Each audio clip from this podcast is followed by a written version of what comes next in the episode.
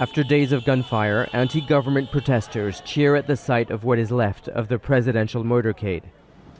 Burkina Faso's special forces turned their weapons against the president's security detail. Several people were wounded. Een militaire staatsgreep in Guinea-Bissau werd vorige week ter nauwernood vereideld. Het was de achtste coup in zo'n anderhalf jaar tijd in westelijk Afrika. In Mali, Sudan, Guinea, Tjaad, Burkina Faso en Tunesië lukte het wel om de bestaande regeringen omver te werpen. Wat zit er achter deze comeback van de militaire coup op het continent? Waarom vindt alle onrust plaats in het westen en midden van Afrika? En welke wereldmachten zijn hierbij betrokken?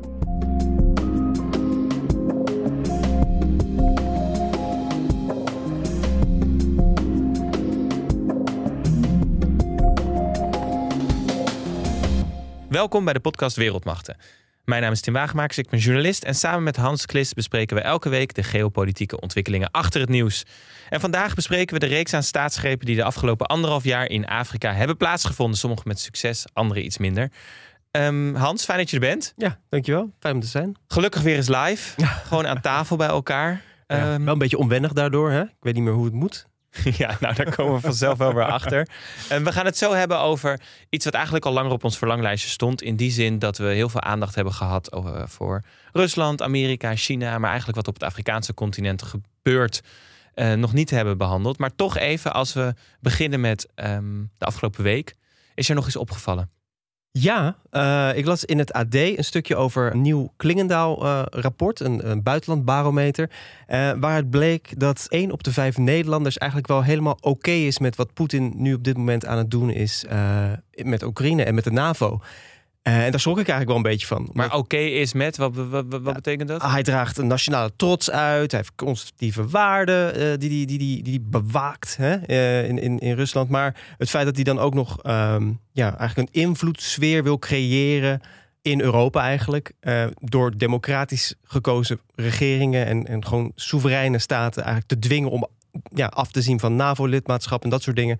Ja, dat ik weet niet. Deed me heel erg denken aan, aan wat er gebeurde net voordat eh, de Tweede Wereldoorlog begon. En ik weet niet of dat echt helemaal oké moet gevonden worden door Nederlanders. Je, je bedoelt eigenlijk dat, dat, dat is de sterke leider... die mag toch een beetje eh, vol bravoer naar buiten toe kijken... van hè, mijn grondgebied, eh, dat moet ik verdedigen... en invloedssferen horen daarbij. Ja, ja. En hij speelt het spel en dat mag. ja En dat als, mag hij doen. en als een vijfde van de Nederlanders vindt dat er een sterke man het goed doet... nou, dat doet me wel een beetje zorgen maken over de verkiezingen eh, als, ze, als die weer komen. Ja, op zich kun je ook zeggen dat altijd een vijfde van Nederland stemt... op bijvoorbeeld eh, partijen als de PVV, eh, Forum of eh, LPF vroeger. Dat dat aantal nog niet ontzettend gestegen is. Ja. Dus misschien is het ook een soort stabiel Ja, stabiele groep die dit ook vinden. Maar goed, nu doen wij ons eigen onderzoek waarin we zeggen dat die groepen overlappen. Dat is dan misschien een beetje een aanname. maar het is wel, ja, en ik kan me ook niet aan de indruk onttrekken dat het Oekraïne-referendum natuurlijk van eh, een aantal jaren geleden ook nog met mensen in hun hoofd zit. En daar hebben we natuurlijk ook tegen Ja. toetreding van Oekraïne via het associatieverdrag tot de EU Ja. gestemd. In meerderheid dan, hè? niet iedereen, in meerderheid net. Dus ja, Ja, het is ook wel veel te ver van je bedshow eigenlijk ook voor de meeste Nederlanders. Hè? Ik bedoel, eh, Oekraïne ligt ver weg. Nou, we gaan nu nog verder weg, want we gaan nu naar eh, eh, Afrika en met name dan eh, West-Afrika. En we gaan het hebben over een, ja, toch, toch een soort reeks aan nieuwsberichten die we de afgelopen anderhalf jaar gezien hebben. Die eigenlijk breder iets zeggen over wat er toch aan de hand is. Ja, dat is een hele brede vraag. Ja. Wat is er toch aan de hand, Hans? Maar toch, die vele staatsgrepen in Afrika. Waarom moeten we het erover hebben? Wat is de aanleiding? Eigenlijk ook weer zo'n sterke leider eigenlijk. Alleen dan een sterke militaire leider. Ehm, ik, ik las eh, een heel interessant stuk van de BBC... wat het ook een beetje de aanleiding is voor deze aflevering. Eh, Burkina Faso coup, the return of the military strongman to West Africa. En je ziet dat in de afgelopen 18 maanden, misschien 19 maanden... dat er een stuk of, wat is het, acht staatsgrepen hebben plaatsgevonden. Zeven succesvol. eh, waarbij ja, bijvoorbeeld militaire leiders aan de macht kwamen... en die teugels uit handen namen van een democratisch verkozen eh, regering. Ja. Wat, wat zorgt ervoor eh, dat, er, dat er acht van dat soort dingen plaatsvinden? Terwijl eh, de afgelopen tien jaar misschien maar vijf staatsgrepen hebben plaatsgevonden op, in heel Afrika. Eigenlijk aan het einde van de eh, 20e eeuw werd gezegd... het is het einde van al die staatsgrepen in, in Afrika... want het wordt steeds democratischer, steeds stabieler. Ja, Maar het tegendeel blijkt waar dus. Of Ja. in ieder geval, eh, dat is niet zo stevig. En wat stond er dan in dat artikel als belangrijkste reden voor die return? onveiligheid. Dat er eh, in, die, in die regio, van Mali, Burkina Faso, daar hebben we het dan over Tjaad, Niger, eh, daar is heel veel jihadistisch geweld. En daar zijn, is een heel groot gevoel van onveiligheid eigenlijk onder burgers, maar ook onder het leger. En daarom zien wij dus kennelijk in veel van die landen eh, het leger opstaan en zeggen: hé, hey, wij nemen de touwtjes in handen, wij gaan het oplossen. Tegelijkertijd, als je eh, aan het Afrikaanse continent of aan dit soort nieuwsberichten denkt, dan ontkom je ook niet aan een soort grondoorzaken die vaak genoemd worden. Hè? Dus, dus eigenlijk zou je misschien ook wel kunnen zeggen dat nou ja, de grote problemen van onze tijd zich ook een beetje samenballen op dat, Ja. Ja, op dat op, op, in in westelijk Afrika eigenlijk. Want eh, als je het hebt over klimaatverandering, eh, grond, de strijd om grond, voedsel, water, dat zijn ook elementen die we daarbij moeten optellen. Hè? En dat Ja. we ook in deze aflevering doen. Klopt, ja. We hebben vandaag ook een expert die we daarover gaan spreken. Dat is Mirjam de Bruin. Ehm, zij is eh, hoogleraar moderne geschiedenis en antropologie van Afrika aan de Universiteit Leiden. Waar gaan we het met haar over hebben? Nou, we gaan met haar hebben over allerlei onderliggende, eigenlijk over de onderliggende eh, stromingen van die conflicten eigenlijk, van die, van wat die, wat die eh, staatsgrepen drijft. En eh, we gaan het hebben over klimaatverandering, maar ook over de westerse inmenging eigenlijk van hoe dat kolonialisme, hoe, hoe dat kolonie, zo hallo, Dat is ook zo'n tongbreker, Ja. kolonialisme. We doen nog hoe een dat, keer. hoe dat kolona, ko- hoe dat Hoe het kolonialisme, ja. hoe het kolonialistische verleden eigenlijk nog steeds terug, eh, ja, terug te horen valt Ja. in, in, de, in de westerse inmenging nu Ja. in dat gebied. Maar dat is natuurlijk eigenlijk sowieso altijd de vraag. Hè? Wat hebben wij er überhaupt mee te maken in Ja. zekere zin? Dat is toch een vraag die continu terugkomt. Ehm, laten we nog wel even, hè, want we gaan het hebben over wat zijn nou de parallellen en overeenkomsten. Maar als we nu kijken, dan las ik de statistiek dat het gaat om 114 miljoen mensen die nu dus door soldaten worden bestuurd onder nou ja, illegaal verkregen macht. Dus die hebben dat zelf, eh, militair is dat afgedwongen. Dat is een Ja. hele grote groep mensen. Ehm, als we nou het hebben over parallellen en overeenkomsten. Want we lopen ook het risico, mensen luisteren naar en denken, jullie gooien alles op één hoop. Ja, Voel jij dat ongemak? Ja, ja, heel erg. Want eigenlijk is het, het voor mij persoonlijk is het, eh, is het een vrij onbekend continent eigenlijk. Ik bedoel, Mhm. ik heb er niet zo heel veel mee. Ik bedoel, ik ben correspondent in Amerika geweest. Heel veel van mijn focus ligt eigenlijk niet, of althans in het verleden lag niet op Afrika. Dus het is, eh, ja, zeker met het verleden dat we hebben, dat koloniale verleden, is het ook heel belangrijk dat we er goed naar kijken. Niet over één kam scheren, zoals je zegt, inderdaad. Tegelijkertijd, als we dan kijken naar een soort van parallellen en overeenkomsten, we hebben al een aantal dingen genoemd. Een van de dingen die genoemd is, is het jihadistisch geweld. Dat is een van de redenen waarom het de afgelopen anderhalf jaar eh, zo gegaan is. Wat zijn andere redenen? Kun je iets meer context schetsen? Eh, het slecht bestuur bijvoorbeeld. Eh, je hebt, even kijken, ik moet het even opzoeken, want het zijn ook moeilijke namen. Ehm, bijvoorbeeld ehm, in Guinea, daar heeft het leger eh, de president Alpha Condé afgezet in eh, september 2021. En dat is eigenlijk een, een, een staatsgreep die breed gesteund werd door de, door de bevolking. Want het komt omdat ehm, sinds zijn verkiezing in 2010 is hij zich steeds meer als een autocraat gaan gedragen. Dus eh, zoals een dictator die we eigenlijk kennen uit, de, uit, de Ja. uit de, de vorige eeuw.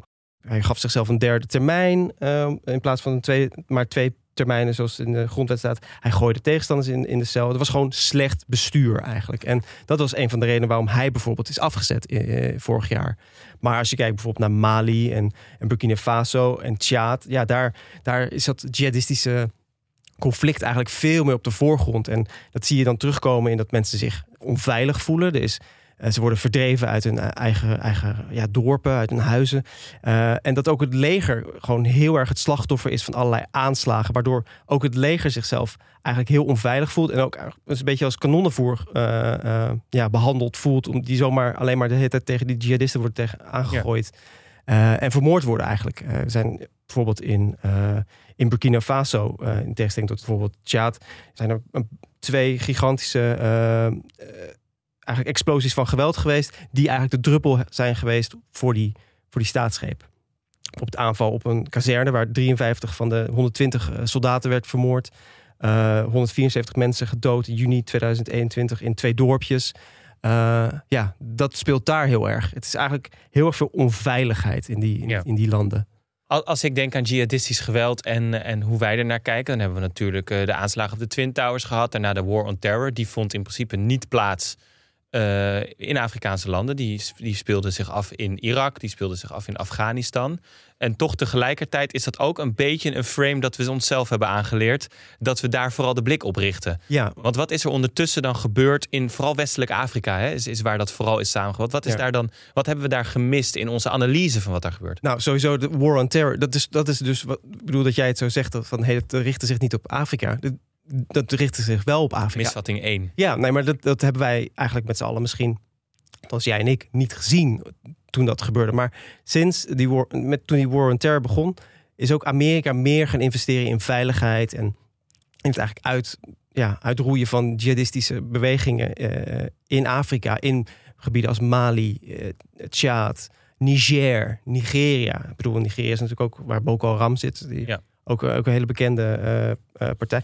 Maar um, Amerika is daar ook heel erg in gaan investeren. En dat betaalt zich eigenlijk nu weer terug in die staatsgrepen eigenlijk. Want je ziet dat bijvoorbeeld in Burkina Faso en in Mali en in Guinea... dat, daar, dat de, de, militairen daar bijvoorbeeld een opleiding hebben gehad van de Amerikanen.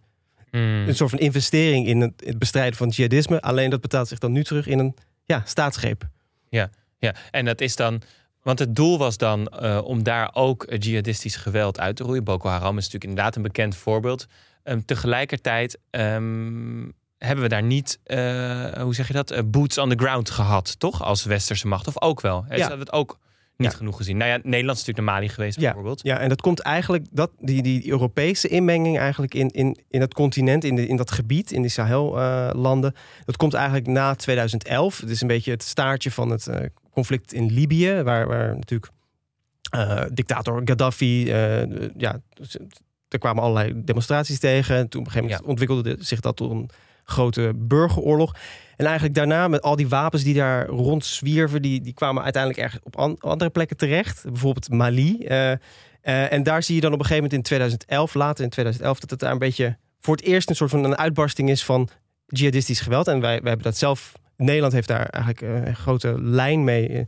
Uh, want in 2011 worden daar, worden daar vijf toeristen uh, gegijzeld. Door de Al-Qaeda-groep die daar opereert. Mhm. En waaronder een Nederlander, een, een, treinmachinist uit Woerden. En die zit daar uiteindelijk 3,5 jaar vast. Uh, die wordt bevrijd door Franse commando's. Want in 2013 ja, gaat, begint Frankrijk daar een, een, een militaire missie uh, tegen het jihadisme. Dat gaat in, in, in, het begin gaat dat goed. Maar je ziet eigenlijk langzaam met meer, hoe, hoe, hoe, langer die militairen er zijn, hoe meer dat, ja, dat, dat geweld verdreven wordt eigenlijk. Die jihadisten worden dan wel uit die dorpen verjaagd. Maar die gaan naar Burkina Faso, die gaan naar Niger, die, gaan, die, die verhuizen gewoon eigenlijk. Het, het, het, heeft een waterbedeffect. Ja, ze verspreiden zich gewoon eigenlijk. Maar hoe moeten we dan, wat is dan daarbinnen de dieper liggende lijn van Kijk, uiteindelijk is de vraag van vinden wij dat landen, en daar gaan we straks ook nog over doorpraten met onze expert, vinden wij dat landen zelf mogen bepalen hoe ze de toekomst vormgeven? Maar eigenlijk is dat ook een beetje een valse vraag, want het begint niet meer vanaf nul. Er is al zoveel geschiedenis, er is al zoveel inmenging geweest. Er is uh, na 2001 uh, eh, enorm veel belang geweest om daar uh, jihadistisch geweld dus bijvoorbeeld tegen te gaan. Ja. Wat maakt het nou dat deze regio zo explosief is daarin? Wat maakt het nou, wat zijn de grondoorzaken daarvan? Nou ja, je hebt sowieso dat het natuurlijk een grondstofrijk gebied is. In, uh, Mali is de op twee na grootste eh, goudproducent van Afrika. Uh, Frankrijk heeft bijvoorbeeld een hele, ja, heeft gewoon een historische band met dat gebied als, als oud-koloniale heerser. Die ziet daar een soort van een, een manier om zichzelf een, rol op het wereldtoneel te geven. Um, maar het is ook, ook voor Nederland. Bijvoorbeeld Nederland is er ook, uh, heeft ook militair naartoe gestuurd had natuurlijk die gijzelaar die daar zat. Dus dat was een meteen een directe aanleiding. Maar het is ook voor ons natuurlijk ook om te laten zien dat wij hè, iets doen op het wereldtoneel. Uh, maar wat je ziet ook eigenlijk, wat, wat, wat er heel erg speelt, is dat al die conflicten worden eigenlijk verergerd doordat er, uh, ja, door de klimaatverandering. Ja. Want dit gaat in dit gebied, wat eigenlijk ja, heel dicht bij de Evenaar ligt, super warm al, super, super droog. Uh, daar gaat het gewoon een stuk sneller dan elders op de wereld. er wordt gedacht dat in 2050 dat het daar 4 tot 6 graden warmer is dan, dan het nu is. Dus uh, je hebt steeds minder land wat vruchtbaar is. Je hebt steeds minder water. Je ziet dus dat, dat, dat bijvoorbeeld uh, christelijke boeren die ander land gaan zoeken om, om te gaan verbouwen, dat die in conflict komen met islamitische herders bijvoorbeeld, die, die hun geiten ook een plek moeten geven om te grazen. En dat wordt dan meteen, weet je, dat wordt meteen een religieus conflict. Terwijl het eigenlijk een heel lokaal conflict is dat eigenlijk verergerd is door klimaatverandering. Ja, maar dan eigenlijk zeg jij en, en dat die ehm, lijnen die al jaren lopen, um, die voor conflict zorgen. Hè? Je mhm. ziet ook bij veel landen zie je natuurlijk de strijd tegen de elite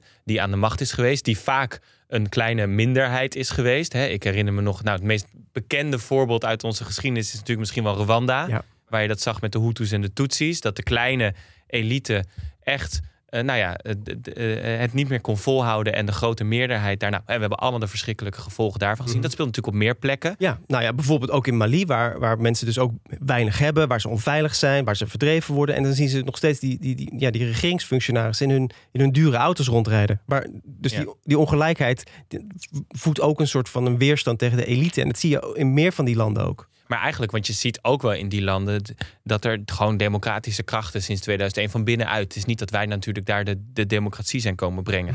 ik bedoel, gelukkig, uh, gelukkig niet zou ik zeggen. Daar zijn ook. Uh, nou ja, daar, daar is ook een maatschappelijk middenveld wat dat probeert en groepen die dat doen.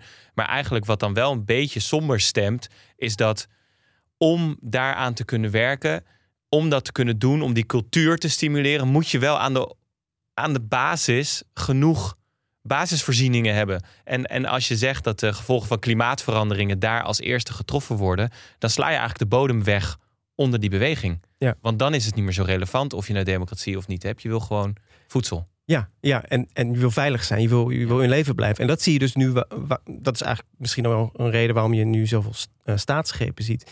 Dit zijn mensen die met geweld dit soort op problemen proberen op te lossen. En dus nu de macht grijpen en denken: wij gaan het nu voor eens en voor altijd oplossen met geweld. Ja, Want wat is dan de belofte? Want, want dat is de volgende stap. Je hebt eerst de militaire staatsgreep. Vervolgens heb je de belofte: wij kunnen dit wat daarvoor niet gelukt is. Wat is die belofte? Zie je daar overeenkomsten? Uh, ja, ja, dit is eh, in uh, Mali, in, in Tjaad. nee, nee, Mali en Burkina Faso, daar speelt het heel erg inderdaad. Van, want bijvoorbeeld en we komen ook eigenlijk de hele tijd terug naar Mali, want dat is misschien wel het meest bekende land. Die staatsgreep, die draait ook een beetje om van, hey, we hebben de afgelopen, wat is het, tien jaar hebben we gedaan wat de internationale gemeenschap van ons vroeg. We hebben gewoon, we hebben, die, mhm. die we hebben Franse troepen toegelaten.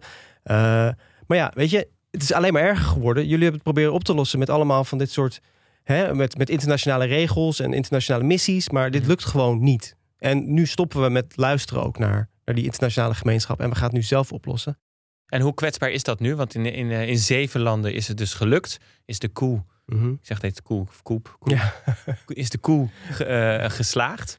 Um, betekent dat ook meteen uh, dat het stabieler daar is geworden? Is dat, of is dat ook niet zo? Nee, dat is helemaal niet zo. Ik bedoel, sowieso, het, een, een, het leger is, is een hamer natuurlijk. Je ziet ieder probleem nu als een, als een, als een spijker.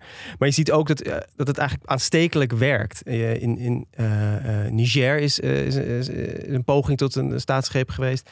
Het is instabiel in Sudan, weet je. Het, het, het, allemaal, het breidt zich allemaal een beetje uit. Omdat het in het ene land instabieler wordt. Ja, dat betekent dus dat bijvoorbeeld grensbewaking en dat soort dingen ook niet meer worden gehandhaafd. Dus die jihadisten kunnen bijvoorbeeld gewoon de grens over. Voeden wereldmachten dit? Ja. Op wat voor manier kun je een voorbeeld noemen? Nou, je hebt bijvoorbeeld die, de, de Franse missie uh, naar, uh, in Mali. Ja, die veroorzaakte ook heel veel burgerslachtoffers. Bijvoorbeeld ja, uh, drone strikes, dat soort dingen. En dat er bijvoorbeeld een, een huwelijksfeest wordt ja. getarget. En dat er heel veel burgers bij omkomen. ja, die jihadisten die vechten terug. Dus ja, dat komt ook meer conflict. Hè? Die gaan, ze worden ook, ook, ook nu, want je hebt nu is dan die staatsgreep geweest. Mhm. Krijgen die militaire uh, steun van landen, van wereldmachten, worden die gebackt door landen? Nou ja, uh, Frankrijk die trekt zich een beetje meer terug uit Mali, ook vanwege die staatsgreep, want het is minder democratisch. Dat is helemaal niet, uh, niet goed te doen. Hè? We samenwerken met een ondemocratische mhm. partij. Maar bijvoorbeeld Rusland is, is daar nu actief. Die, die, die Russische huurlingen lopen daar sinds vorig jaar in Mali rond, eigenlijk om die rol van de Fransen over te nemen. Ja, en wat levert dat op dan?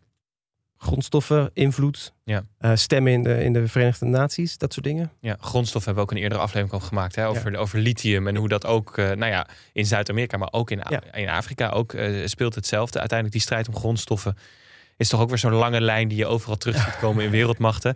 Um, we gaan doorpraten over ja, welke rol hebben wij eigenlijk daar. En dan eigenlijk historisch gezien hebben wij altijd gevonden dat we daar een rol in hadden. Maar hoe zit dat nu? En, en wat gebeurt er dan? Of waar denken landen aan?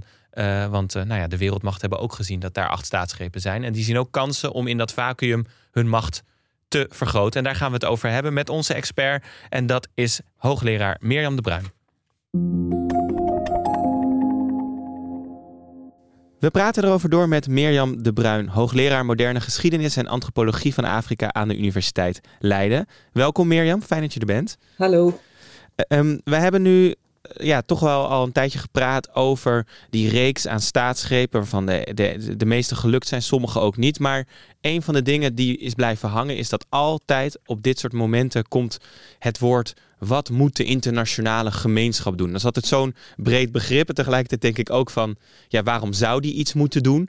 En, en, en hoe kijk jij daarnaar? Want dat is altijd de vraag die opkomt in westerse media ook. Van, ja, wat kunnen wij doen? Ja, misschien ook zo nog over de media. Ja. Ehm, wat moeten wij doen? Nou, blijven. Dat is mijn ehm, eh, ja, uitgangspunt. Waarom zou je weggaan daar waar je ook nog wel een rol te spelen hebt? Het idee van troepen terugtrekken, wat heel erg groot in de media nu staat. Ehm, nou, troepen, het zijn vaak kleine onderdelen van uh, de VN-missie die daar gaande is, of van de missie die door de Fransen is opgezet en nu Europees wordt. Um, dat gaat over hele kleine, eigenlijk kleine eenheden. En dat is vaak geen terugtrekken, maar het einde van de mandaten. Dus het is niet zo dat men zich nu almas terugtrekt uit Mali. Dat is niet waar. Maar daarnaast hebben we natuurlijk in Mali hele groot Mali, Burkina, um, Guinea veel minder. Maar Nederland zit veel in Mali en Burkina. Hè? En dat zijn natuurlijk de twee landen waar nu die staatsgrepen geweest zijn. Hebben daar een hele lange geschiedenis. En we zijn gewoon al heel lang aanwezig. Net als de Denen, de Noren, de Duitsers, de Fransen. Ja, dat laat je niet zomaar gaan. En dan kan er heel veel discussie komen over hoe je daar moet zijn. En daar moeten we veel meer ons oor laten hangen naar de mensen die in die landen wonen en die die landen regeren. Ook al zijn we het niet met ze eens. Want je moet met elkaar tot een vorm komen van samenleven, want we zijn één wereld. Ja. En daar is ook nog natuurlijk gewoon het feit dat er een wereld is van ongelijkheid. En daar moet over nagedacht worden van hoe gaat die ongelijkheid veranderen. Want er is natuurlijk best wel wat bewijs voor dat in de geschiedenis, um, in de loop van de geschiedenis, Afrika niet alle kansen heeft gekregen om zich te ontwikkelen zoals bijvoorbeeld in Europa. Ja. En dat gaat niet alleen maar over koloniale geschiedenis, dat gaat ook over postkoloniale geschiedenis, handel, uh, handel waarin wij toch wel aan de goede kant staan en de regels bepalen. Ja. Dus de, ja. Sorry, sorry, dat ik je onderbreek. Maar je hebt het er dus over: het is belangrijk dat we, er, dat we er blijven eigenlijk. Maar in wat voor hoedanigheid moeten we daar nu blijven? Want volgens mij gaat het nu heel vaak over dat we met de militaire uh, macht daar eigenlijk zitten. Op wat voor manier zouden wij daar wel moeten zitten? Nou, ik denk ondersteuning van, het, uh, van de militaire macht is ook niet helemaal verkeerd. Alhoewel de militaire aanpak zelf zou ter discussie gesteld moeten worden, ook met het leger in die landen zelf. Dus wat willen we daarmee en wat is er bereikt? En dat is dus bedroevend weinig. Dus die militaire aanwezigheid is eigenlijk het minst belangrijk, misschien. Ja, op het moment lijkt die heel belangrijk omdat die jihadistische dreiging er is. Dus daar wordt heel veel over gesproken. Maar daarnaast hebben we natuurlijk hele grote handelsverdragen. We zijn uh, aanwezig in allerlei ja, wat we noemen ontwikkelingsprojecten. Um, ja, daar kun je niet zomaar uit weggaan. Maar de voorwaarden waarmee we daar zitten zijn soms een beetje scheef. Ja. En ik denk dat daarover gesproken moet worden. Bijvoorbeeld gisteren zat ik in een bijeenkomst met, met de Kamer, hè, hier het parlement. En dat was een interessante discussie over handel. Het voorbeeld werd aangehaald van Campina in Nigeria. Campina is op een gegeven moment zijn melkpoeder gaan verhandelen, zal ik maar zeggen, in Afrika om eiwit te brengen. Heel nobel. Maar ja, ze zijn vergeten dat er heel veel vee rondloopt in Nigeria zelf. Dus waarom proberen we niet veel meer de, de, die, die, die productiechains anders in te richten, zodat Afrika gewoon als partner meedoet? En ik denk dat dat een hele mooie les is, die ook voor heel veel andere dingen geldt. Maar tegelijkertijd. Dus het gesprek elkaar respecteren en echte partnerships. Want, want het is natuurlijk, zeg maar, als ik als leek er naar kijk, is er een hele discussie over wie mag er eigenlijk bepalen wat de toekomst van je land is? En waarom is daar een internationale gemeenschap die vindt dat zij daar ook iets van mogen vinden? En tegelijkertijd starten we niet vanuit een nulpunt. Er is al uh, heel lang vanuit ook, nou ja, misschien ook een koloniale gedachte die al jaren zit. Het idee dat wij mogen bepalen wat de toekomst van Afrikaanse landen is.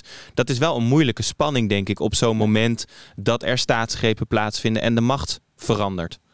Ja, ja, maar we zijn natuurlijk niet alleen als Europa. Hè. Afrika zelf speelt hier ook een rol. Je hebt de Afrikaanse Unie, dus het is niet dat wij beslissen in ons eentje. nee. nee, zo is het niet. Ehm, en ik denk dat hier ook een deel van de onvrede richting de Fransen zich uit. Hè. Mensen en ook overheden in Afrika zijn het ook wel zat om geregeerd te worden door anderen. Zo voelen ze dat ook. En dat zie je ook aan alle berichten die daarover verschijnen. En ik vind het heel logisch dat hier die actie van eh, bijvoorbeeld de Malinese overheid, dat dat nu zo uitbarst. Alleen tegelijkertijd ja, kun je daar ook heel veel vragen bij stellen. Maar goed, de wereld is verweven. Dus we kunnen het niet alleen. Dat is heel helder. En dat geldt voor Europa net zo goed als voor Afrika. Je hebt elkaar nodig. En de condities waarop je elkaar nodig hebt, die moeten hergeformuleerd worden. En daarbij hoort ook naar wie luisteren wij.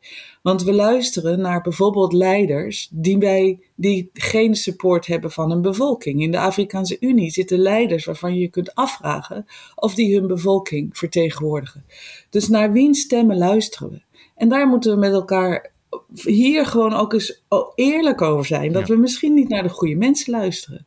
Want, en er zijn want als jij dat wel doet, welke verhalen hoor je dan? Zeg maar... Nou, ik ben antropoloog, hè, dus ik ga de dorpen in en ik trek de, de, de stad in de wijken in. Um, dus de gewone man. Maar waar is de stem van de gewone man en wie is dat? En hoe wordt de gewone man soms ook gebruikt om een stem te laten horen? Nou, dat is dus een, dat is heel ingewikkeld, hè? dat snap ik ook. Ik bedoel, je kan niet zomaar zeggen: oh, er zijn van die stemmen overal en nergens, die zijn verborgen, we gaan er naar luisteren en dan weten we het wel. Nee, want die stemmen zijn beïnvloed uh, bevooroordeeld enzovoort.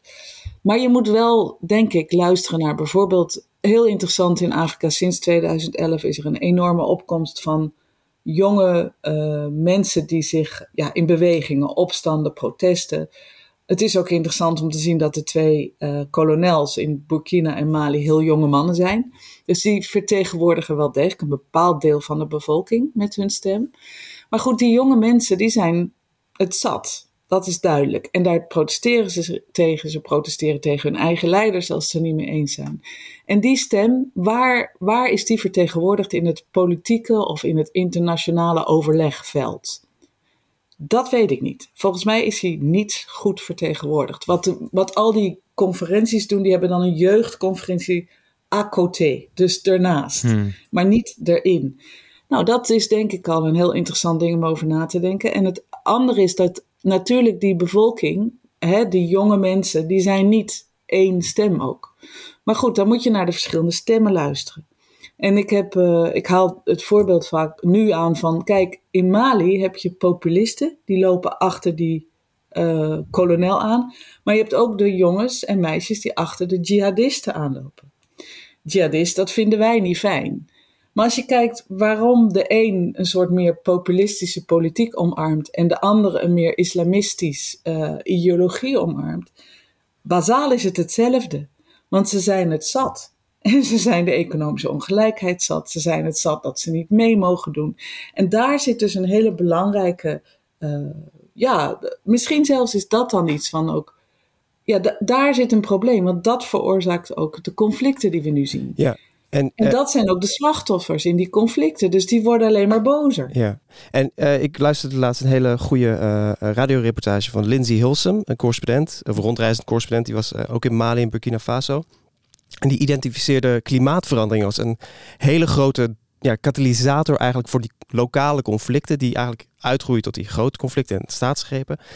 Uh, hoe kijk jij er tegenaan? Want moet dat ook, is dat ook niet iets wat bestreden moet worden daar? Nou, klimaatverandering is een heel groot woord. Dus uh, we moeten dat denk ik een beetje gaan ontleden van wat betekent dat dan. Um, natuurlijk, je hebt klimaatverandering en bevolkingsgroei. En dat gaat samen. Um, en dat leidt wel degelijk, misschien niet zozeer tot schaarste, maar wel tot gewoon problemen tussen gebruikersgroepen van die, van die ecologische omgeving. En dat vertaalt zich in conflicten. Die conflicten die worden vergroot op het moment dat je dus zoiets krijgt als die islamisten en de, hè, dat grote conflict, wat bijna een internationaal conflict is, dat vertaalt zich ook in lokale conflicten. En die lokale conflicten, die zijn er, die zijn altijd aanwezig, die werden tot nu toe redelijk in de hand gehouden. En het lijkt wel alsof doordat die grote conflicten het normale gezag en de normale gang van zaken weg hebben, dat, dat hebben doen weg, laten weg hebben, zie je dat die conflicten oplaaien. En ook misschien wel heel centraal worden in de creatie van het lokale conflict. Daar zit het element van ecologie en er zit een element van demografie in.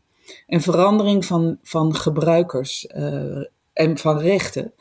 Um, dus daar, of dat dan direct te koppelen is aan klimaatverandering, denk ik niet. Maar je kunt wel indirect een koppeling maken van die, ja, die verandering in dat gebruikerspatroon. Wat te maken heeft met veranderingen in de ecologie.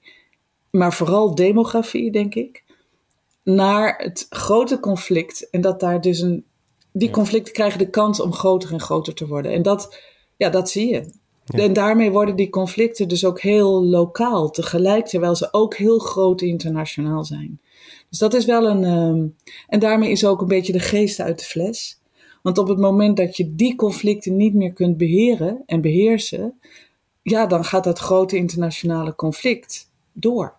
Ja. Want de onvrede wordt alleen maar groter, de opposities worden groter. En dan krijg je bijvoorbeeld etnische oorlogen. En dat zien we nu al ontstaan in de Sahel. En ik denk dat we daar heel, ja, dat, is, dat is een groot probleem natuurlijk met veel slachtoffers. Um, we hebben die, dat soort oorlogen in het verleden ook gezien. Dus ja, dat, dat, dus ja er, is een ker, er is een soort van mm, heel veel verschillende redenen waar klimaatverandering of ecologisch gebruik van, uh, van hulpbronnen, zo, land gewoon wel degelijk een rol spelen. Ja, uh, en misschien ook wel de essentie zijn. Dankjewel voor, uh, voor dit gesprek. Dankjewel. Ja, dankjewel. We hebben nu eigenlijk hè, in deze aflevering zijn we veel uh, landen langs geweest. We hebben veel namen genoemd. Maar tegelijkertijd is natuurlijk de grote vraag of dit zich nog verder gaat verspreiden. Hè? Want we hebben nu acht landen genoemd. Eh, mhm. zeven waar het gelukt is. Eentje waar het niet gelukt is, maar waar ook eigenlijk helemaal geen informatie is hoe dat nu verder gaat. Wat ook alweer laat zien hoe lastig het is om verhalen uh, daarover naar buiten te krijgen. Ja. Uh, maar is die angst er dat het zich nog verder verspreidt? Ja, heel erg. Ik bedoel, je ziet het met Guinea-Bissau, dat, gewoon weer een, een staatsgreep. Mm uh, maar je, als, je, als je een beetje kijkt naar, de, naar de, wat de kranten zeggen, uh, bijvoorbeeld in de Washington Post, daar wordt heel erg de angst uitgesproken waar, dat dit conflict, dat eigenlijk die staatsgrepen, die, die, het gevaar daarvoor, dat het eigenlijk uitbreidt naar de, de Ivoorkust, naar Benin, naar Togo, Ghana en zelfs Senegal. Dus eigenlijk redelijk stabiele landen, maar ja, die dan toch onder die, ja, onder die veranderingen en conflicten eigenlijk ja, onder druk komen te staan. Ja, ja, en het laat ook maar weer zien dat uiteindelijk nou ja, klimaatverandering, dat dat zo'n theoretische discussie in Nederland. Hè? Lijkt het wel. Zo van het is vervelend en de gasrekening gaat omhoog. Maar feitelijk is het gewoon een bron van enorm veel conflict momenteel. En het is niet iets wat eraan zit te komen. Dat is toch. Ik vind dat zo'n cliché, maar of zo. Maar het is toch ook. soms, soms dan, dan moet je het ook nog een beetje tussen de oren drukken, lijkt het wel. Um, laten we naar onze geopolitieke shout-out gaan. Want op zich, uh, uh, als, we, als we het nou hebben over journalistiek. Mm uh, en misschien ook Afrika-journalistiek, uh, dan wil jij ook iemand even uh, extra aandacht geven. Ja, nee, want in, in, voorbereiding van deze aflevering heb ik gebeld met Joost Basmeijer. Dat is een, een Nederlandse journalist in Kenia. En hij covert eigenlijk een heel groot gebied van in Afrika, meestal westelijk Afrika, maar eigenlijk veel meer dan dat. Maar hij is iemand die eigenlijk die klimaatverandering op de voet volgt in, uh, in, in, en dat doet hij niet eens uh, bewust, maar in al zijn verhalen van, van, van uh, Gentech-muggen die malaria moeten bestrijden, tot aan conflicten in Nigeria tussen christelijke boeren en, en islamitische herders die op zoek gaan naar vruchtbare grond en daardoor in conflict raken. Eigenlijk ziet hij dat de hele tijd terugkomen. En ik vond het heel verhelderend om met hem te praten. En hij is ook een hele goede fotograaf. Dus ik zou zeker ook uh, even naar zijn uh, Instagram gaan kijken. die zullen we even in de, in de vriend van, van de, show, show zetten. Ja. zetten. maar ja, dat is mijn geopolitieke shout-out. Joost Basmeijer. Supergoed. En, en, en is, ook misschien, is dat ook misschien een manier waarop veel mensen doen? Want mij heeft altijd enorm verbaasd, correspondenten die op grote gebieden zitten. Maar ik snap ook wel geld, middelen. Hoe doe je dat? Dat je dan toch zeg maar, probeert een wat groter verhaal te pakken en te kijken hoe dat op verschillende plekken zich uit. In plaats van dat je het verslag doet per land. Ik kan me voorstellen dat het een hele mooie manier is om verhalen te vertellen. En dan is klimaatverandering een heel logische. Zeker in, in zo'n continent als Afrika, waar ja, inderdaad correspondenten hele grote gebieden moeten, moeten, moeten beslaan, waar je eigenlijk nooit echt heel erg diep kan gaan in de details. Zo'n grote verandering zoals klimaat, uh, dat, ja, dat, bedoel, dat treft ons allemaal. Dus dat is ook super boeiend om dat daar te doen. Ja, ja. En, en tegelijkertijd, hey, je, bent, je bent toch ook van de buitenlandredactie. Dus meer, meer, meer, meer mensen naar het buitenland om verhalen te maken. Precies. Um, um, dankjewel voor nu, Hans. Um, ik wil uh, onze expert van deze week, en Mirjam de Bruin, uh, bedanken. De, de, tips zijn dus te vinden op onze Vriend van de Show. Vriendvandeshow.nl slash wereldmachten. Bedankt voor het luisteren. Bedankt Hans ook. Je luisterde naar een podcast van Dag en Nacht Media. Redactie door Esther Krabbendam. Montage door Jeroen Sturing. Eindredactie Anne Janssens. De muziek is van Studio Cloak. Je vindt ons op Vriend van de Show. Op Twitter ga dan naar het account Wereldmachten. En ook tegenwoordig op Instagram. Ga dan ook naar het account Wereldmachten. Tot volgende week.